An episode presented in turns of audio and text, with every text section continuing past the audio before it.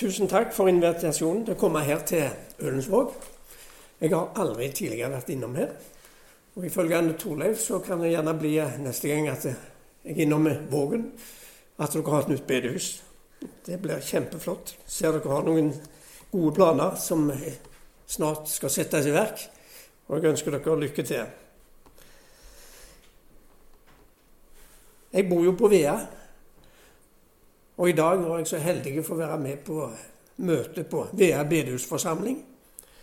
Og der var det en Ølensvåg-bu som talte, og det var en Håkon Brekka. Og det var kjempegodt å høre han Håkon.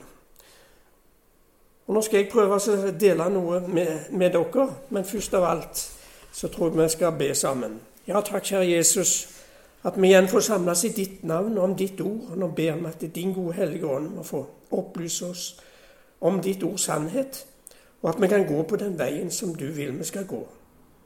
Vi takker Jesus for at du ennå kaller på mennesker til omvendelse. Og vi ber Herre Jesus at din gode Hellige Ånd må få hvile over dette hus og det som skal bygges, og ikke minst den virksomheten som finner sted her i Ølens område.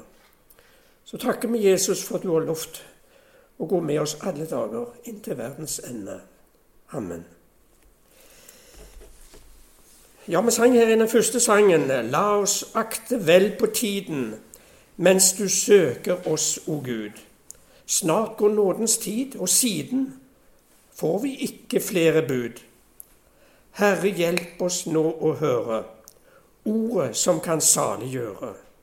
Lukk du opp vårt hjertes øre, hør oss du, vår frelses Gud. Jeg syns på en måte det passer litt med det som jeg skal prøve å si litt om jeg er blitt utfordra, for å si det sånn, og si litt om omvendelse.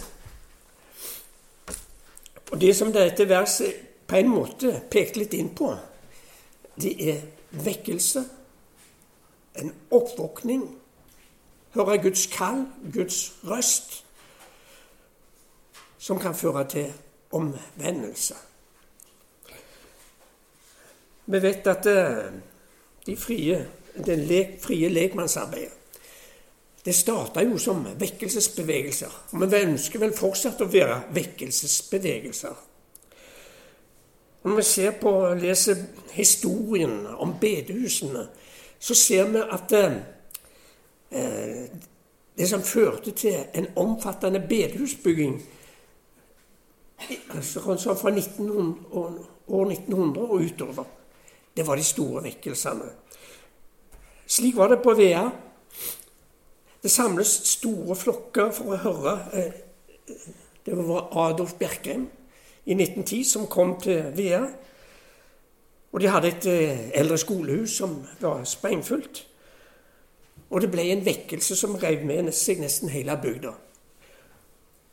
Og Da fant de ut vi må ha et hus som Guds ord kan bli forkynt fra.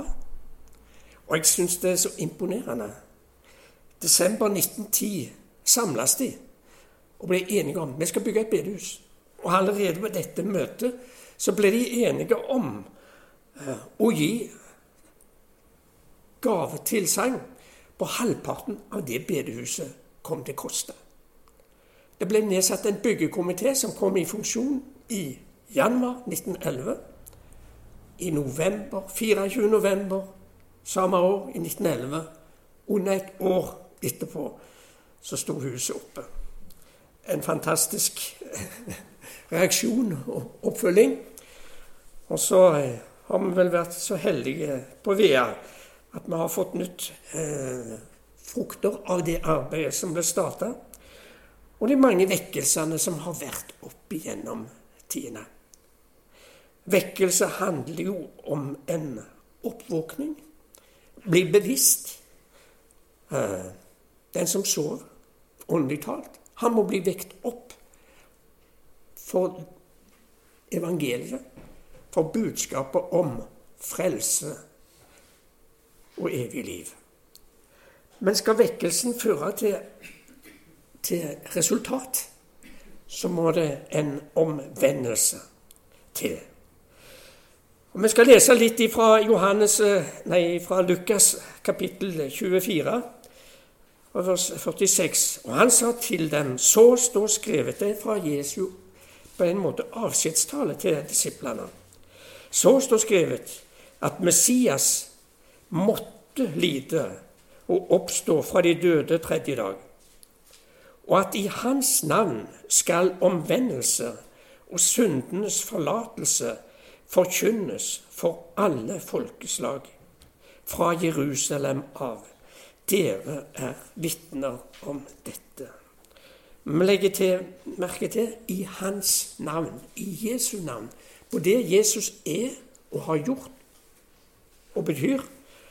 I hans navn skal omvendelse og syndenes forlatelse forkynnes for alle folkeslag.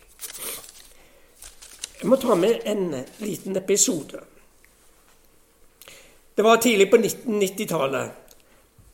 Jeg var på et såkalt jobbs, jobbkurs i telemarksbygda Morgedal. Og det ble kveld, og vi var noen kollegaer noen andre som gikk en tur, eh, en kveldstur. Det var mørkt. Og dere som er kjent i geografien, vet jo at eh, denne bygdeveien, om vi skal si det sånn, på eh, Morgedal, den går på, på den ene sida av vannet, og så har vi Europaveien dundrende på andre sida. Europaveien til Oslo. I et lite øyeblikk så var det noen kraftige billys, fjernlys, fra andre sida av vannet på Europaveien som lyste tvers over vannet og rett på en husvegg.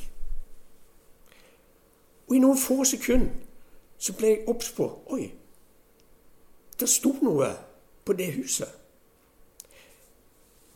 Et bibelvers, en del av et bibelvers. Og det sto på nynorsk Omvend dykk og tru på evangeliet. Omvend dykk og tru på evangeliet. Så forlyser vi ikke. forunderlige greier. Jeg tenkte hva hus er dette?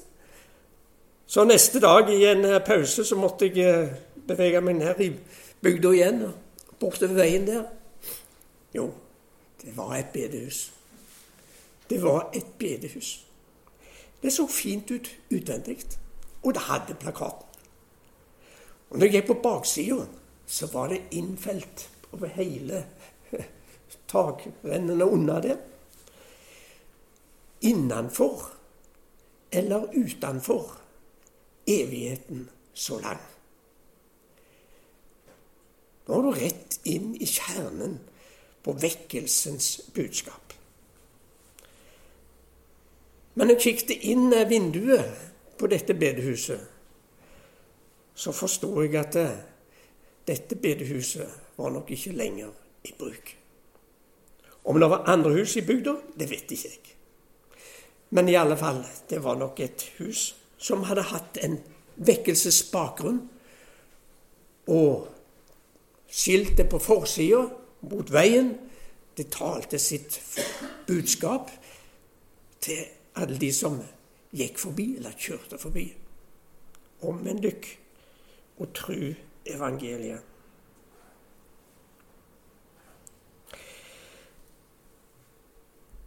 I 1948 så holdt professor og lekmannshøvdingen Ole Hallesby et foredrag på årsfesten for MF. Talen den hadde viktige ting angående forkynnelsen og forkynnelsens innhold. Og er blitt i etterkalt kalt hans testament altså viktige sannheter som han ville poengtere viktigheten av å ta vare på. Det var fire punkt. Jeg skal bare nevne det første. Svikt aldri korsets teologi. For mye kunne ha sagt om det. Første punkt svikt aldri korsets teologi. Det andre punktet som jeg skal prøve å si litt om, som på en måte har brent seg fast etter jeg fikk høre dette. Svikt aldri omvendelsens harde og anstøtelige tale. Svikt aldri omvendelsens harde og anstøtelige tale.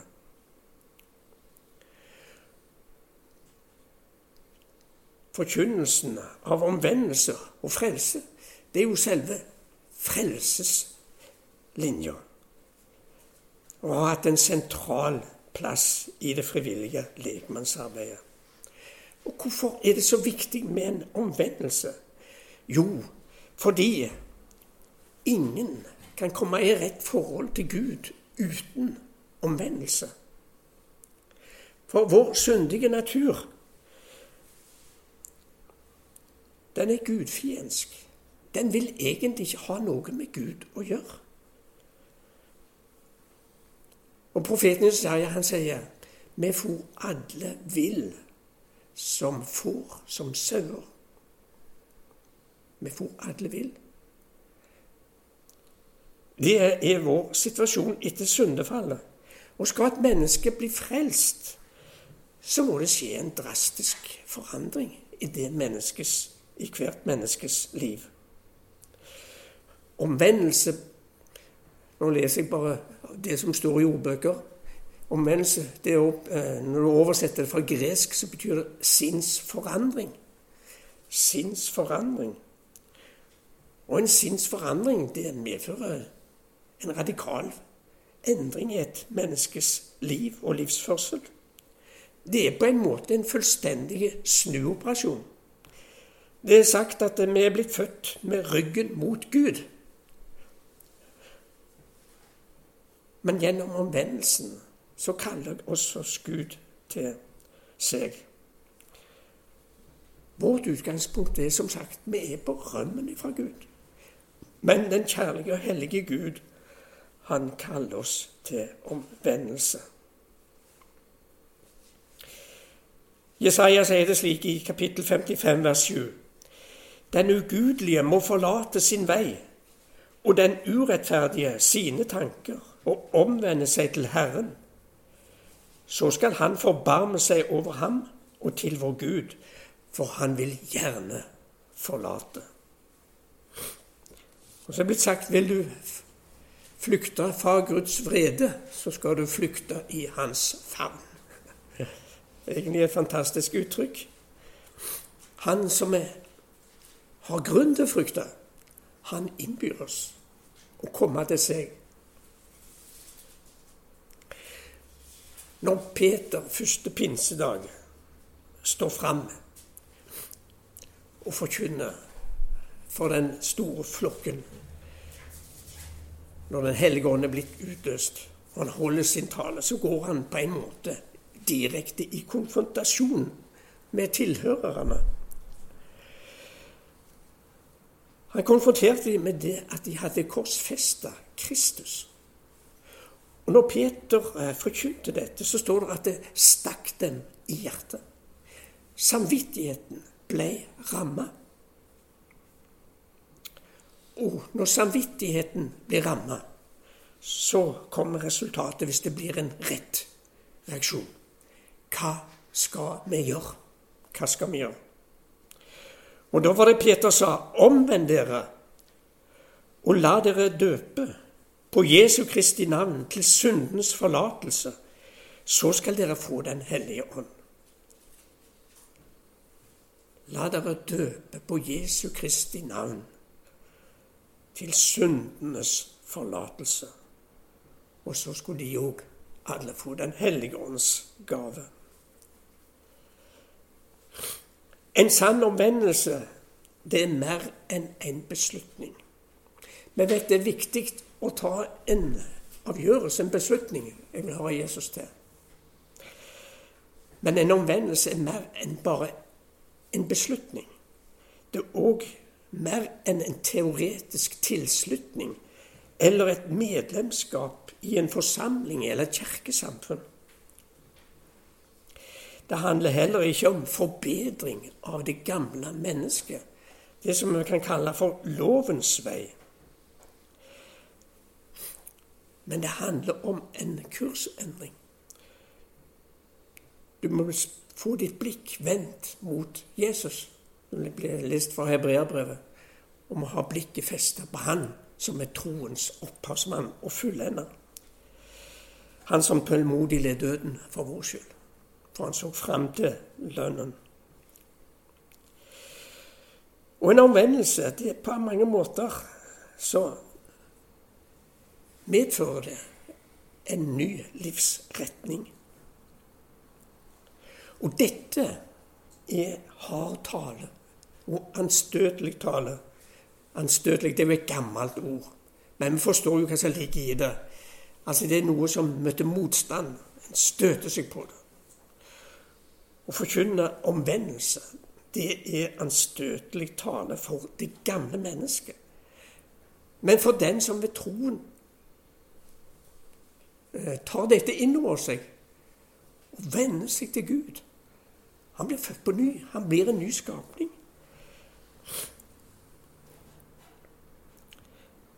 Men vi ser dette med spesielt i Det gamle testamentet.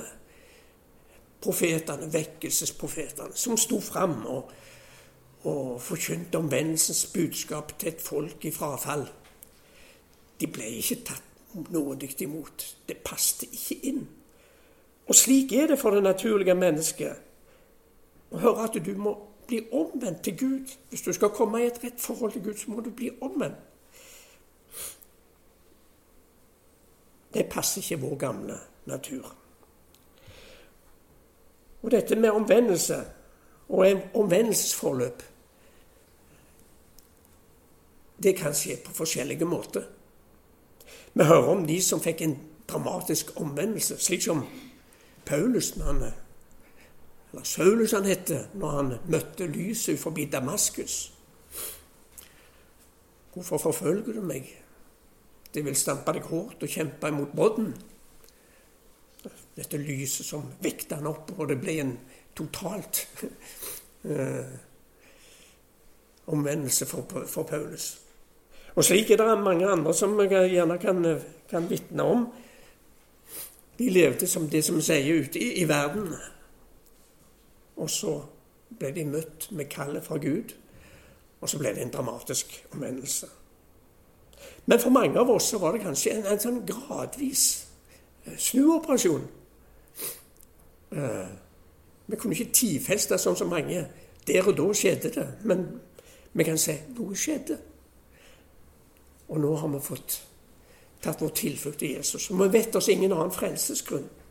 Vi har bøyd oss for Bibelens ord om at vi er fortapte syndere, og at vi trenger Jesus som frelser. Litt om den tida vi lever i. Den tida vi lever i i dag, den er preget av individualisme og sjølrealisering. Og for de som er i denne situasjonen, så er budskapet om omvendelse det er hardtale.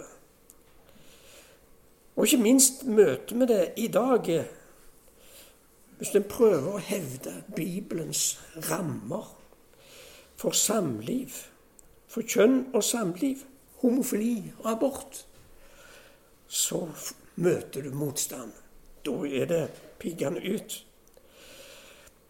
Og så har vi Jeg blir litt anklaga da for diskriminerende holdninger. Krenkende holdninger. Og det er jo noe med denne krenkekulturen som det snakkes så mye om i dag. Og vi hører om woke og wokeness og cancelkultur. Det er så mye nye begreper. men det går egentlig ut på at eh, vi må ikke hevde noe som noen kan oppleve krenkende.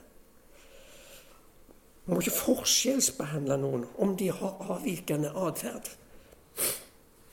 Og da, I en slik setting hører ikke uh, omvendelsens budskap til Bibelens sannheter. Det passer overhodet ikke inn. Det blir tvert imot oppfattet som provoserende holdninger. Hold dine meninger for deg sjøl. Vi vil leve etter våre lyster. Det, det, det, er egentlig den falne naturs forferdelige eh, fall. Å tale om synd, det er, er på mange måter eh, et tabu. Jeg overhørte en gang en, en NRK-journalist som hadde vært på en, en, gudstjeneste. Og så ble det lest denne synsforlatelsen. Herre Gud, himmelske Far.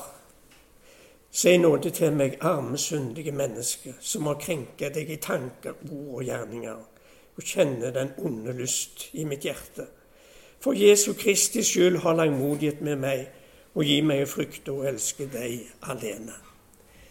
Det passte ikke NRK-journalisten. Han ga klar beskjed. Han skulle ha seg frabedt å bli kalt en synder. Det er det naturlige mennesket.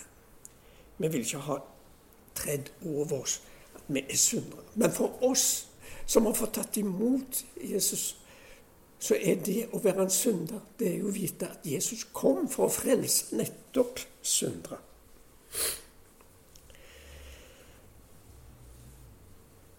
Hvordan står det til da i Kristen-Norge? Jeg drister meg til å si litt om det.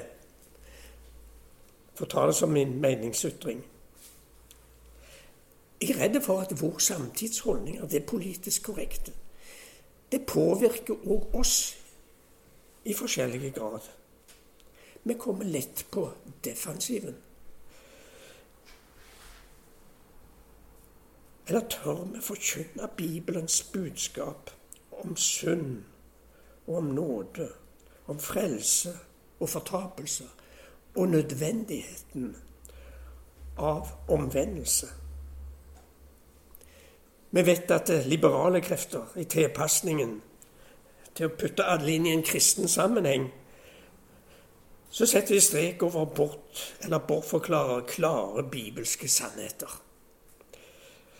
Som synd og nåde, frelse og fortapelse. Er du døpt, så er det nok. For ingen kjærlig Gud vil kaste noen i en evig fortapelse. Det er kanskje gjerne ikke det vi er mest utsatt for, den eh, type forkynnelse i våre sammenhenger. Men vi merker jo det at det å forkynne fortapelsen, det, det, det, det er sterk kost. Det møter motbør, for det passer ikke inn. Uh, og Der har vi jo noen eksempler med den nye bibeloversettelsen, der de vil ta vekk i den lille Bibelen. For at hver den som tror ikke skal gå fortapt, Først var det at endringer gjerne til for at det ikke skal gå tapt. Det er jo ikke det samme. Eller gå til grunne. Det, det, det er sterke krefter som vil ta, ta vekk forkynnelsen av fortapelsen. Og likevel, det er en, en realitet. Og i lekmannsarbeidet vårt så kan vi òg fristes på mange måter til og la være å ta opp kontroversielle saker. Ting som rører seg i samtida, og som vekker anstøt.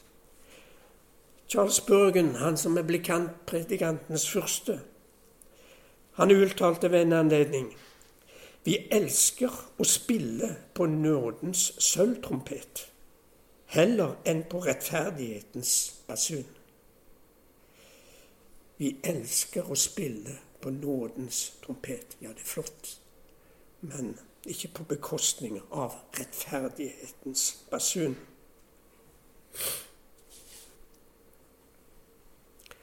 Og jeg ser av og til en fare òg i vårt kristne arbeid.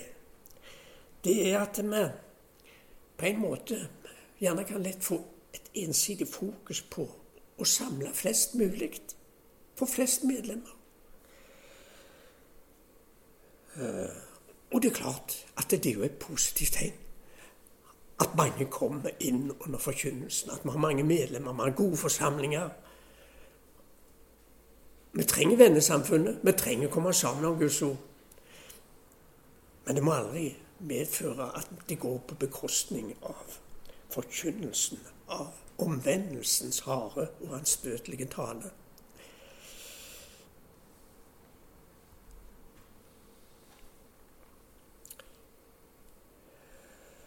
For hvordan står det til på den usynlige innsida? Når vi kommer på møte, så ser vi ut som ja, vi har det godt med Gud alle. Men, men kanskje det ikke var slik. Vi håper jo at alle som kommer til våre samlinger, at de har det godt med Gud, at de lever i et rett forhold. Men eh, Gud ser lenger enn oss. Han ser den usynlige innsida. Og med stort alvor forkynner Bibelen oss at mange en dag skal oppleve at de levde i et sjølbedrag. De mente og trodde at de var på rett vei. Og så viste dagen og timen de tok feil. Og det er noe som jeg frykter for min del. Må aldri komme inn i et sjølbedrag der du tror du er på rett vei, men Gud har en motsatt. Og når vi leser lignelsen om de ti brudepikene som gikk ut for å møte brudgommen Alle hadde som mål de skulle møte brudgommen. Og det står at alle sovna. Og så enda mer tragisk, det var fem av de som ikke hadde olje på lampen. Og når brudgommen kom, så ble de avvist. Et sterkt alvor. Jeg tror det er viktig at vi legger inn på det. Og et hovedanliggende med forkynnelsen, det må jo være å stille eh, tilhørende våre samvittigheter innenfor Guds ansikt, slik at Guds ånd kan få gjennomlyse sjel og ånd, så vi ser vår stilling, og slik at vi ut ifra dette klamrer oss til evangeliet om Jesus og om Golgata. Og det skjer når vi forkynner Guds lov. Da blir samvittighetene ramma. Og gjennom evangeliet så blir samvittighetene satt i frihet. Vi trenger å høre Guds hellige lov om det som er Guds vilje. Og så trenger vi å høre at vi, vi kommer til kort på alle punkt. Men fordi vi kommer til kort, så har Gud ordna en fullkommen frelse for oss gjennom Jesus. Vi blir satt i frihet. Det er blitt sagt at omvendelsens budskap skal vekke de som ikke tror, og holde de troende våkne gjennom en daglig omvendelse. Den som kom til Gud og ble omvendt, han må leve i en daglig omvendelse. Vi trenger stadig bli minnet om du må søke inn, inn i jordet, og la Din Hellige Ånd forlede oss. Og vi kjenner jo Davids ransakende bønn. Ransak meg, Gud, og kjenn mitt hjerte. Prøv meg, og kjenn mine mangfoldige tanker. Og se om jeg er på fortapelsens vei, og led meg på evighetens vei. En ydmyk bønn fra en stor Herrens tjener, konge. Tenker på den på en måte stjernestatus som da, kong David har. Han hadde sine fall. Dype fall. Og kanskje det er det som òg gjør at han ber denne ydmyke bønnen. Ransak meg, Gud, og kjenn mitt hjerte. Kjenn mine mangfoldige tanker og ser meg er på fortapelsens vei, og led meg på evighetens vei. Et annet sitat fra Bibelsk opplagsbok. Beviset på en sann omvendelse er et liv i overensstemmelse med Guds vilje. Et liv i overensstemmelse med Guds vilje. Og der må jeg bare si der kom jeg sørgelig til kort. Uh, det var så mye som skulle vært annerledes. Det skulle vært så mye større brann for Guds rikes vekst. Det er så mange tanker, det er så mye vondt som dukker her opp inne i, hjertet sin. Og likevel så sier det ja. Gud, når du taler til meg om dette, så er det for at jeg skal få bekjenne det for deg. Og på en måte, når du får gå til Jesus med det, så er det òg en oppfyllelse